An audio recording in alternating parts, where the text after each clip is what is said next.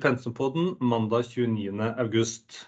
Pensumpodden tar for seg noen av de viktigste hendelsene i finansmarkedene forrige uke, og utviklingen i Pensums forvaltningsmandater. Vi ser også noe på hva som kan komme til å prege markedene i dagene som kommer. Jeg som skal lede denne sendingen, er leder for forvaltningsavdelingen i Pensum og heter Kåre Pettersen. Før vi starter sendingen for fullt, må vi starte med disclaimeren. Podkasten er et markedsføringsmateriale fra Pensum Asset Management.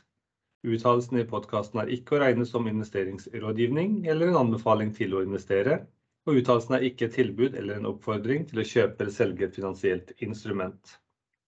Vær alltid oppmerksom på at historisk avkastning ikke er en pålitelig indikator for fremtidig utvikling eller avkastning på en investering.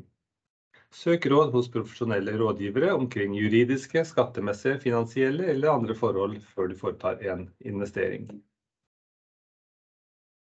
Vi skal i dag starte med en gjennomgang av uken som var, og uken var for så vidt ganske sånn stille og rolig frem til vi kom til fredag, hvor det var denne sentralbankkonferansen i Jackson Hole, hvor, vi, hvor det var forventet at Jerome Powell skulle si noe om inflasjon og fremtidig uh, renteutvikling. Det kom til å prege markedene i aller høyeste grad. Eh, samtidig skal vi også få høre at Oslo Børs igjen var en av de bedre eh, børsene sist uke, akkurat som den helt klart har vært hittil i år.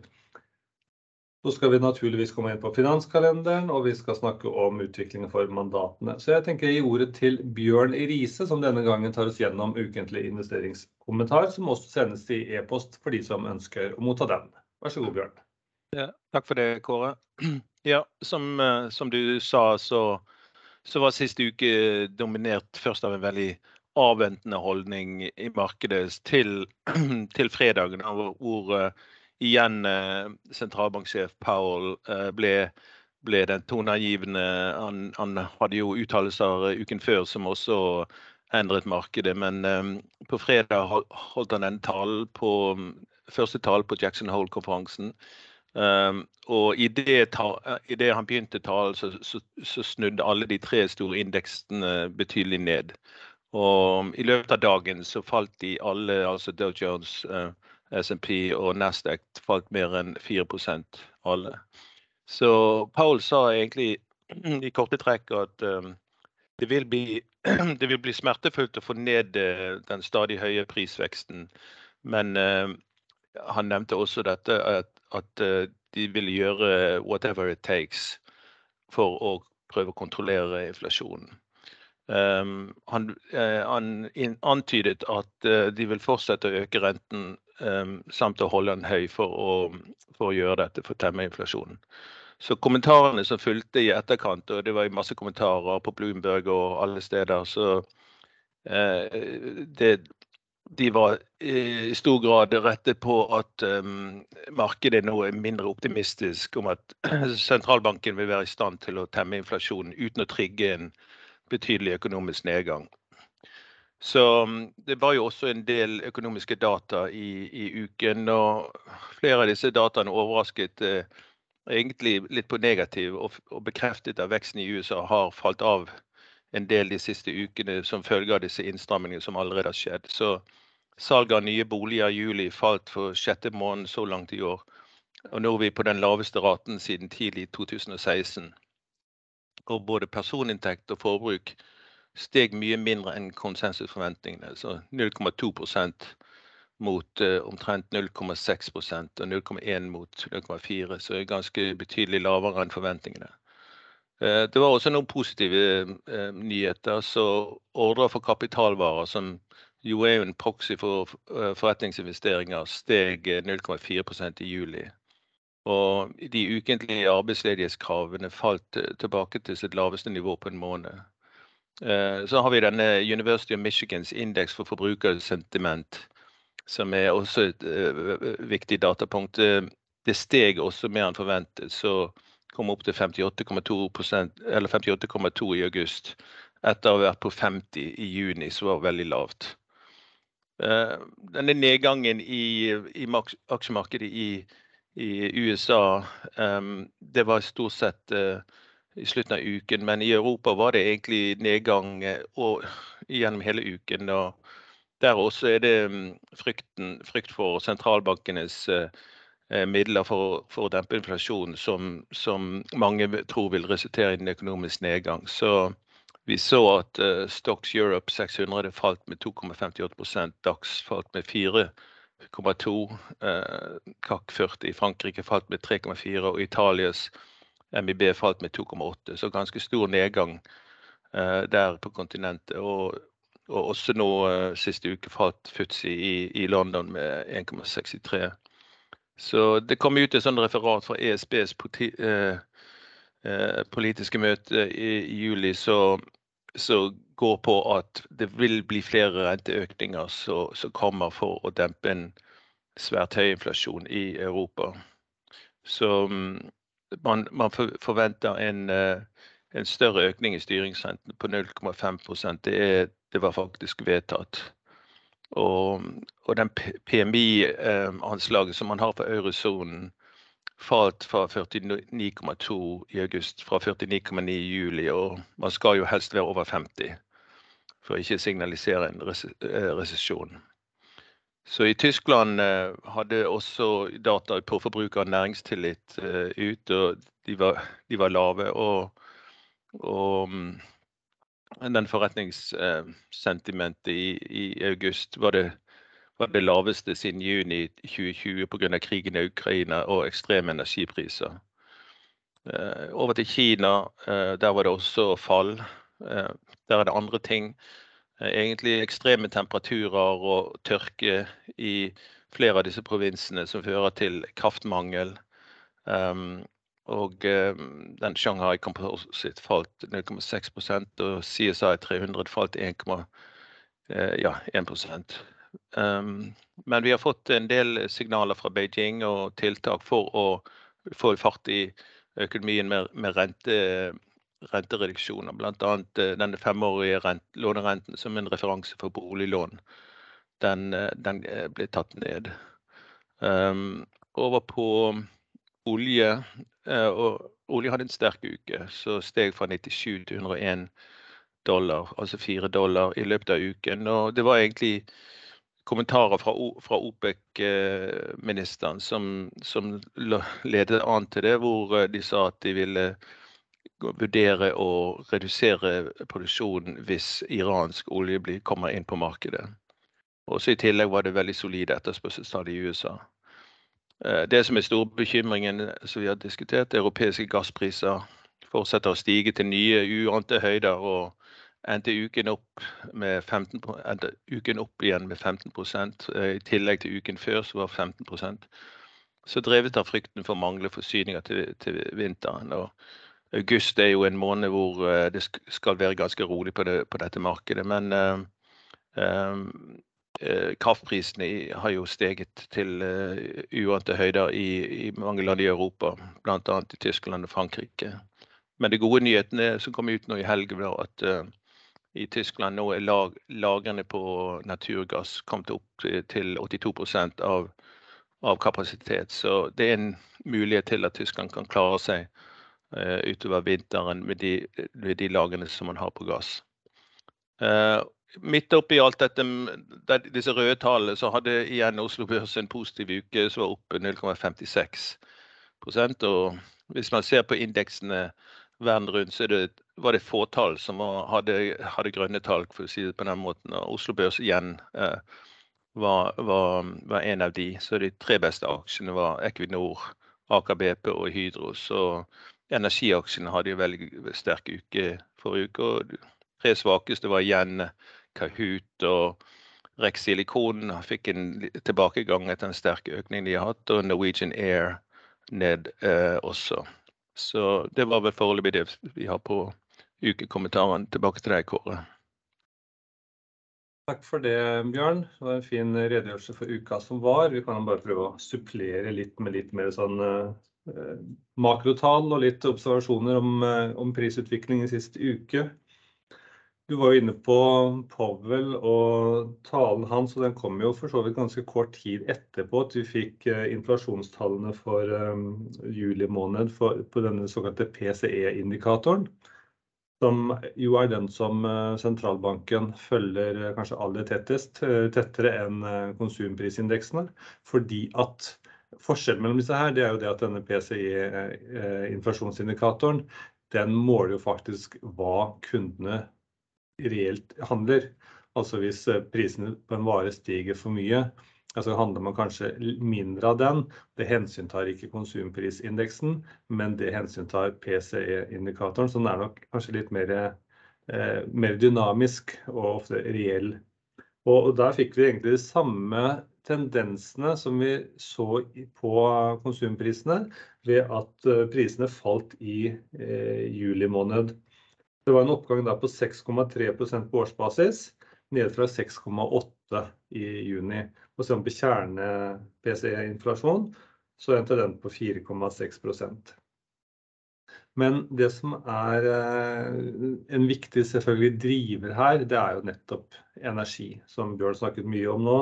Og ser man på årsveksten, så var jo den på energielementet på 43,4 i, i juni, og falt da til 34,4% i juli, altså 9 prosentpoeng lavere. Så det er klart at der ligger jo veldig mye av forklaringen på fallet da, fra 6,8% til 6,3%. Men det hadde ikke stor betydning i forhold til hva Pavel sa.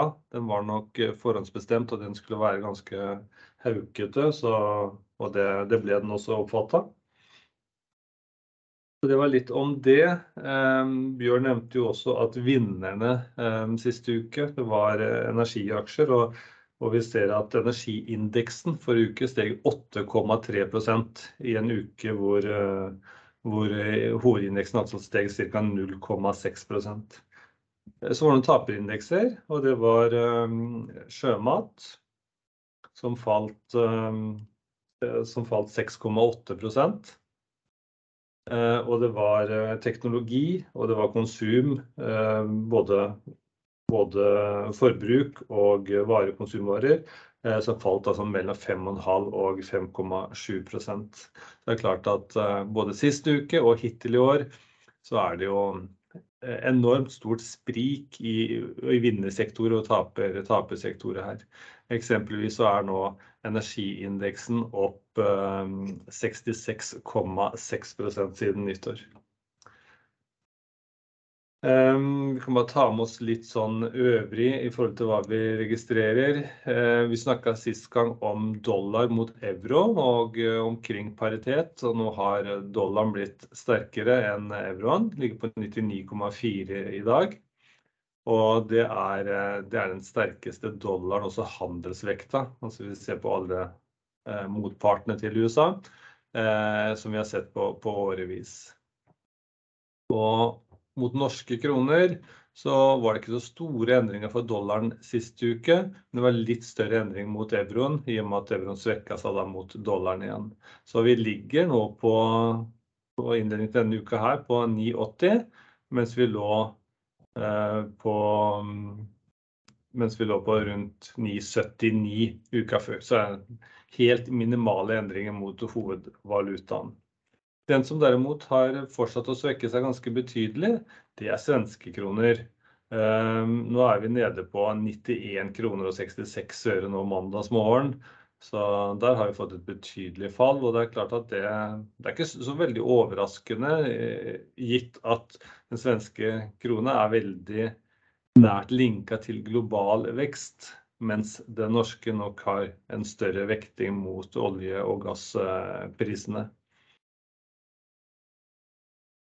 På renter så var det som Bjørn snakket om. Vi passerte 3% igjen, opp fra 2,97 uka før til nå 3,04. Så har steget jevnt og trutt nå. Vi var på 2,57 akkurat ved månedsskiftet nå, 1. august, og så altså oppe på 3,04 nå. Så det er klart at det har vært trøblete for mange vekstaksjer, teknologisektoren, fornybarsektoren eksempelvis, og som gjør at vi har fått da en mer en dreining tilbake igjen mot energiaksjer. Ser vi internasjonalt, eller hvis vi holder oss til Europa da, så, så, har vi nå sett den samme oppgangen her, og vi er egentlig nå tilbake igjen til de rentenivåene vi var på i, i midten av juni måned, hvor eh, lange renter i Europa toppa ut, og så hadde vi en lengre periode med fall. Og nå har det steget skal vi si, i hvert fall en drøy halvprosent i løpet av den måneden her på tiårsrenta, enten vi snakker om USA, nei unnskyld, vi snakker om Tyskland, vi snakker om Frankrike, vi snakker om Italia, eh, så er det ca. en halv prosentpoeng økning i tiårsrentene. Og samme gjelder for så vidt eh, her i Norge, hvor nå tiårsrenta har kommet opp i ca. 3,3 Um, tre måneders Nibor er det mange som følger. Eh, selvfølgelig fordi at den er en indikator på hva, hva sentral, styringsrenta eh, kommer til å være fremover. Men også fordi at det er den risikofrie renta som ligger i bånn for mange av de obligasjonene som vi, vi tilbyr, og, og høyrentemarkedet. Og den har nå kommet opp i 2,59 og eh, Sammenligner vi det med en styringsrente på 1,75 så er vi på så er vi på rundt 0,84 eh, høyere da enn styringsrenta. Og det er klart at det er et eh, kraftig signal om at her ligger det inne rundt en halv prosent renteøkning eh, i tiden fremover. Så får vi se om det alt kommer på neste rentemøte, eller om det blir eksempelvis da fordelt over to, to rentemøter. Gasspriser var vi så vidt innom, eller olje og gass. Eh, Bjørn snakket om eh, oljeprisene og snakket om strømprisene i Europa. Tar vi ser på gassprisene, så ligger de nå på rundt, eh, eller på fredag ettermiddag i hvert fall, på 95 euro per MMBTU for det nederlandske prispunktet, og 71 for det britiske. Og tar vi 95 og ganger med 6, ja, da er jo på rundt 570 dollar per oljeekvivalent. Så det er jo det, de høyeste prisene vi noen gang har eh, observert. Og som selvfølgelig er medvirkende til at vi hver dag i avisene kan lese om at det stadig er nye strømprisrekorder. Vi kan jo bare også ta med i forhold til priser på sjømat, så har de kommet en del ned gjennom sommeren, og den nedgangen har ikke stoppa helt opp ennå. Vi tror vi er ekstremt nær bunnen nå, men vi var på sånn 59-60 kroner per kilo sist uke for oppdrettslaksen. Og denne uka her så ser vi 55-56, og da tror vi at uh, vi er veldig nær bunnen. Det er vi også sånn sesongmessig. Ehm, men det er klart at nå er det ikke så høye marginene lenger. Og da tror vi at i stedet for å selge denne fisken enda billigere, så kommer den framover til å bli, bli frøset ned. Fordi at i andre kvartal, eller både første og andre kvartal, så hadde vi veldig høye priser. Og da var det selvfølgelig ingenting som ble frosset ned. Og lagrene er jo nå særdeles uh, små. Eh, så det er god kapasitet for å fryse ned hvis ikke markedet nå skulle stabilisere seg sånn som vi tror at det er i ferd med å gjøre, og at vi da får en oppgang igjen fra ja, si, slutten av september måned. Er det grunn til å tro at vi kan få litt eh, oppgang igjen. Hvis vi snakker litt om tall, eh, så nevnte Bjørn også at det var 0,6 oppgang eh, sist uke på Oslo Børs, og det tar oss til 6,2% oppgang på verdensindeksen. Nei, unnskyld, 6,2 oppgang på Oslo Børs. På verdensindeksen så var det nedgang på 4 eh, målt i norske kroner, som tar, eh, tar oss til 7,5% nedgang siden årsskiftet. Um, med, den oppgangen vi hadde på Oslo Børs sist uke, så var det et unntak i forhold til de fleste markedene. Stockholmsbørsen var eksempelvis ned 5,5% København var ned bortimot 1 USA var ned 5,2% et sjelden stort fall.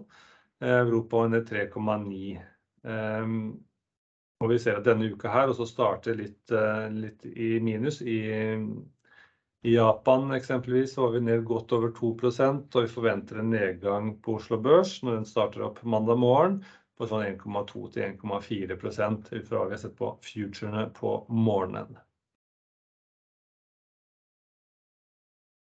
Det som har vært positivt innenfor rentemarkedet i det siste har vært i særlig grad Asia, som så ut til å bunne ut for kort tid tilbake. Og så har det en kraftig oppgang gjennom måneden nå,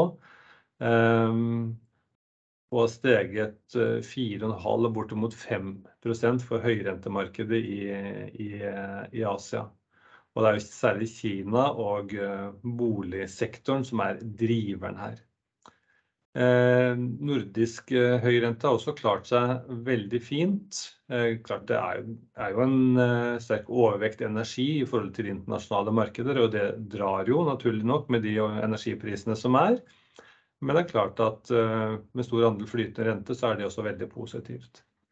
Amerikansk og europeisk høyrente har derimot vært gjennom en mye mer trøblete periode. Vi ser at spreddene holder seg på ganske stabile og fine nivåer, men renteoppgangen har da hatt negativ betydning her, i og med at det er stort sett fast rente. Vi går litt til tallene for ulike mandatene nå sist uke. Vi kan starte med de norske mandatene. Pensum Norge utbytte, som hadde en oppgang på ca. 2,2%, hvor det var en fin oppgang i flere av aksjene. Vår Energi var opp 13,1%, Aker BP opp 7,8% og Equinor opp 8,3%. Det er de tre største posisjonene i porteføljen, så det var veldig positivt. Så var det noen minuser, og minusene var i hovedsak knyttet til sjømat. Jeg kommer mer inn på etterpå, men der var jo, som jeg sa i stad, indeksen ned 6,8%, og det var det samme som SalMar falt med eksempelvis. I tillegg så fikk vi jo en aksje som gikk x utbytte siste uke. Det var Hunter Group, hvor de betalte nærmere 40% av verdiene i utbytte. Det er ikke faktisk utbetalt enda, men aksjen har gått x utbytte. Og aksjen steg også noe i etterkant av x utbyttedatoen, så det var også positivt. Selektiv portefølje var opp 0,6, helt marginalt foran indeks, og her var det også Vår Energi som var viktigste driver, med 13% oppgang. Og så var det fortsatt trøblete innenfor teknologi, med Crayon Group da som falt 10,3% som den viktigste negative bidragsyteren. Vekstporteføljen opp 0,3%. Mye samme her med Vår Energi som vinner og Crayon som taper med henholdsvis pluss 13% og minus 10% da. I tillegg så var det noen deler av shipping segmentet som var litt trøblete. MPC, som jo hadde en kjempesterk kvartalsrapport for et par uker tilbake, har falt litt tilbake. Litt sånn resesjonsfrykt og redselen for at eksporten fra Kina eksempelvis av varer vil falle. Men vi synes det er overdrevet gitt den sterke kontraktsdekningen som selskapet har.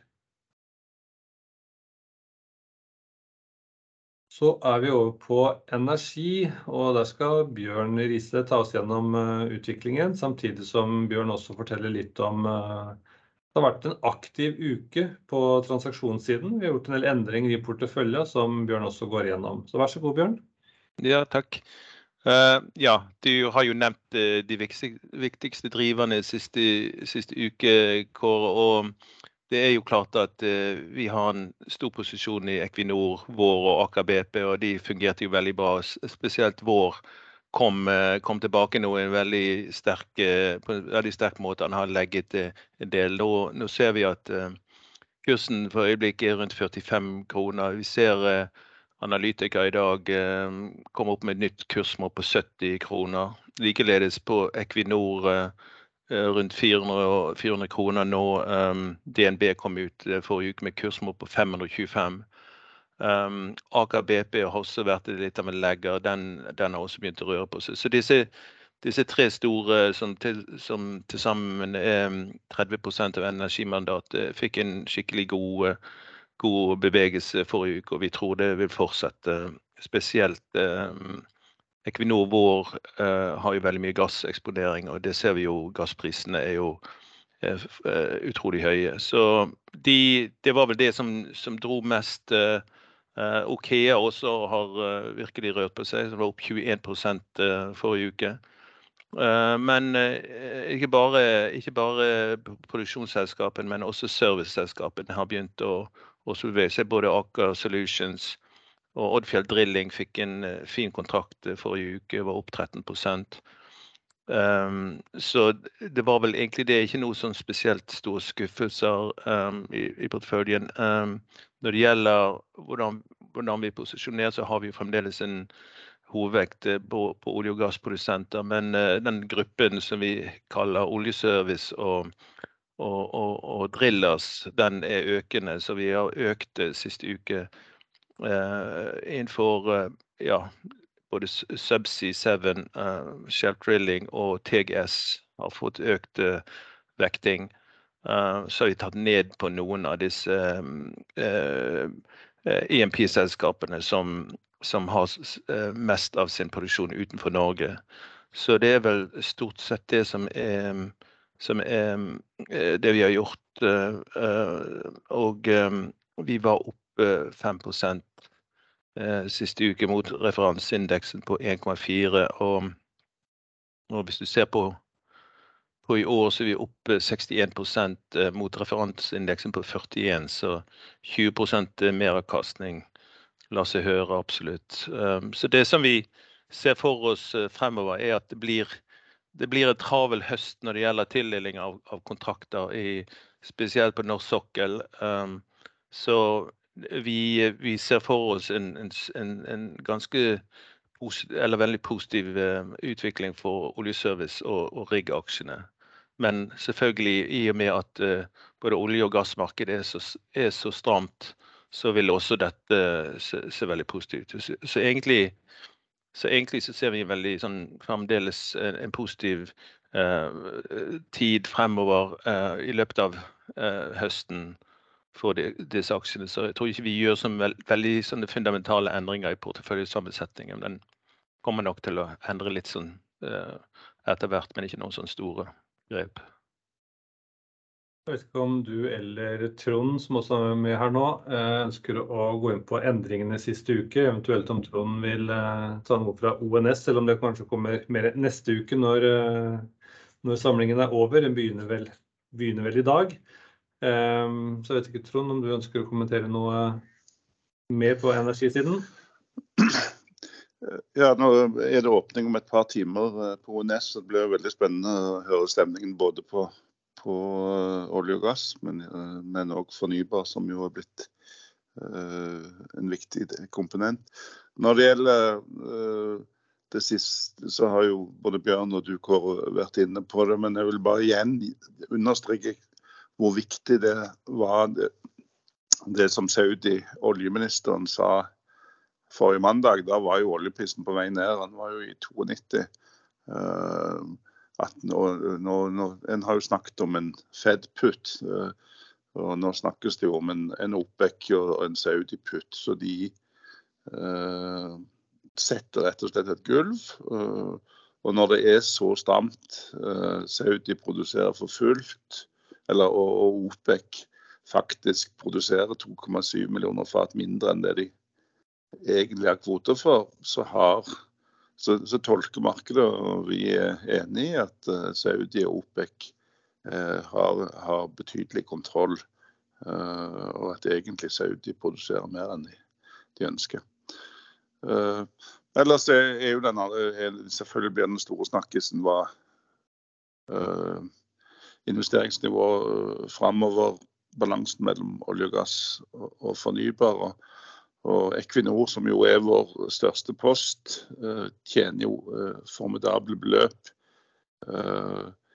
Sparebanken Markets var ute med et regnestykke som sier at med dagens gasspriser ut året, eller forkurvene ut året, så vil Equinor ha 600 milliarder kroner i netto cash ved slutten av året. Og dagens markedsverdi er litt over 1200. Så det òg gir jo mye, og det er 3,2 milliarder aksjer, så det er jo i underkant av ja, litt under 300 kroner i, i netto cash, og de skulle egentlig hatt en gjeld på, på mellom 15 og 30 altså rundt la oss si 200 milliarder. Så, så det blir jo veldig spennende hvorvidt Equinor sier noe om, om uh, kapitalallokering. Uh, hvorvidt uh, en kan tolke det som at en vil gi mer tilbake til investor, eller om det blir veldig politisk press å bruke dette til fornybar. Men det får jeg komme tilbake til på, på neste mandag etter, at konferansen er slutt. Det gleder vi oss til å høre mer om. Takk skal du ha, Trond. Da tar vi de andre mandatene som gjenstår. Vi begynner med Sparebank, hvor det var en nedgang siste uke på 2,6% mot indeksen som falt 2,4% Og det var ingen som utmerket seg noe sånn stort. Det var eh, minus over hele linja og med mellom, eh, ja, mellom 1,9 og, ja, og 4,2 for alle, alle aksjene. Sjømat, som var eh, ned 7 mot indeks på 6,8. Og her var det også jevn nedgang. Eh, den beste det var Måsehval, den siste aksjen vi tok inn, som falt bare i anførselstegn 2 eh, mens eksempelvis Grieg falt 10% Så det var en, det var en rapporteringsuke nå sist, og det var gjennomgående tall som kom omtrent som forventet. Det var ingen store egentlig overraskelser.